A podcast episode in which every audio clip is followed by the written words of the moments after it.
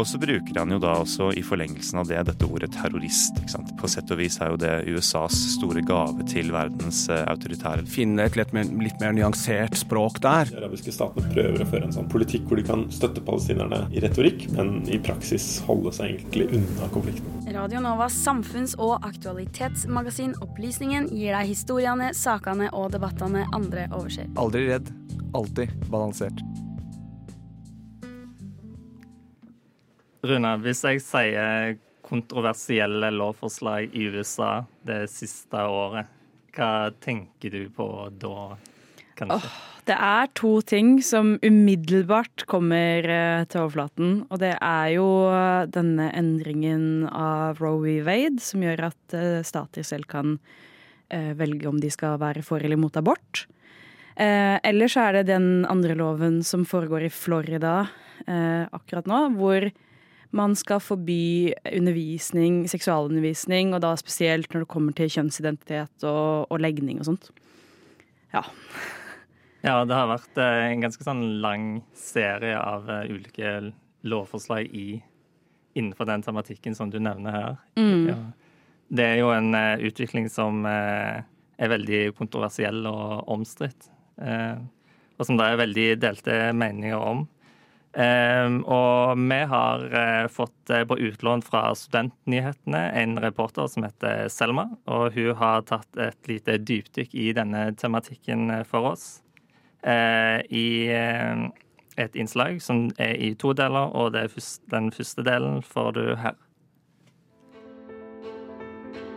Datoen er 22.1.1973. Vi er i Washington DC og etter en lang kamp har Høyesterett endelig kommet til en beslutning som vil endre kvinners liv landet over.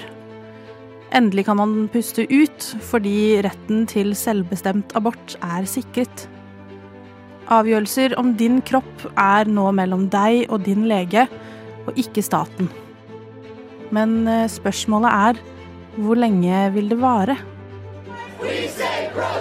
Demonstrators flocked to the Supreme Court shortly after Political broke the news Monday night an unprecedented leak of an entire draft opinion. My initial reaction is that it's stunning on so many levels. First of all, just for what's happening in America, we're talking about 50 years of precedent that it appears now will definitely be a thrown out political earthquake last May when the draft Supreme Court opinion overturning Roe v. Wade was leaked. A leaked draft opinion from the Supreme Court shows that federal abortion protections may soon be overturned. Thousands gathered outside the Supreme Court on Tuesday afternoon to protest the leaked draft opinion that was reported to have the support of five conservative Vi spoler fram nesten 50 år. I mai 2022 publiserte Politico et utkast til en bestemmelse fra Høyesterett hvor majoriteten av dommerne går inn for å sette den historiske dommen Roe v. Wade til side. I praksis betyr dette at retten til å lage lover som omhandler selvbestemt abort, nå går tilbake til statene. Drøyt to måneder senere, 24.6.2022, er det klart at utkastet ikke bare var ekte, men at majoriteten av dommerne har stemt over at Roe v. Wade ikke lenger skal være den ledende jussen. Selv om retten til abort ikke forsvant fra alle delstatene med en gang, kunne man høre historier om abortklinikker som måtte stenge dørene på dagen. I noen stater er det nemlig allerede vedtatt såkalte trigger laws, altså lover som ligger på lur og trer i kraft med en gang eller kort tid etter Høyesterett kommer med denne beslutningen. I stater som Kentucky, Louisiana og South Dakota var det vedtatt lover som trådte i kraft med en gang. Her ble loven slik at alle som tilbyr eller forsøker å tilby abort, siktes og fengsles. I Louisiana vil man også måtte betale en bot på mellom 10 og 100 000 dollar.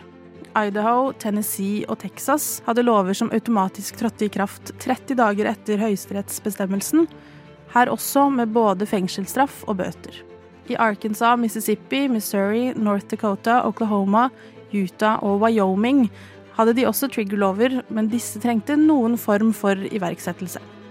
Noen av disse statene jeg har nevnt, har unntak til lovene, altså om mors liv står i fare f.eks., vil aborten være lovlig.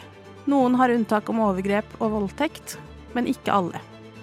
Mange fryktet at med Høyesteretts bestemmelse ville det skape en presedens for å fjerne andre rettigheter, både for kvinner, skeive, transpersoner og andre minoriteter, og denne bekymringen kan i noen stater virke å være berettiget.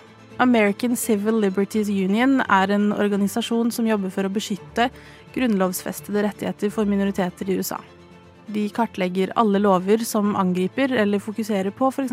skeives rettigheter, og ifølge disse var 2022 et rekordår for slike lover og bestemmelser. Citizen. So Across the country, at least 150 bills have been filed by Republican legislators targeting transgender Americans this year. Advocates are sounding the alarm about a set of measures that they say target teaching and writing related to LGBTQ issues, race, and more broadly, freedom of speech. Dette inkluderer å begrense læreplanen i skolen, antitranslover som begrenser helsetilbud, lovgivning som gjør det forbudt for lærere å snakke om kjønnsidentitet til elevene sine, eller foreslåtte lover som gir politi lov til å fjerne transungdom fra foreldrene dersom de får kjønnsbekreftende behandling. I Tennessee har lovgiverne også gått ut mot drag-artister og forsøkt å vedta en lov som vil forby denne kunstformen. Jeg lurer på hvorfor USA, som tilsynelatende er et demokratisk og utviklet land, går tilbake på grunnleggende rettigheter som er beskyttet av Grunnloven. Jeg lurer også på hvordan man går videre når man ser at kvinners rettigheter, skeives rettigheter og andre minoriteters rettigheter innskrenkes. Neste uke skal jeg snakke med eksperter som forhåpentligvis gjør meg litt klokere. Klippen jeg har brukt, er hentet fra CBS, CNN, Associated Press, Fox, The Hill og ABC News. Reporter i saken var Selma Bull.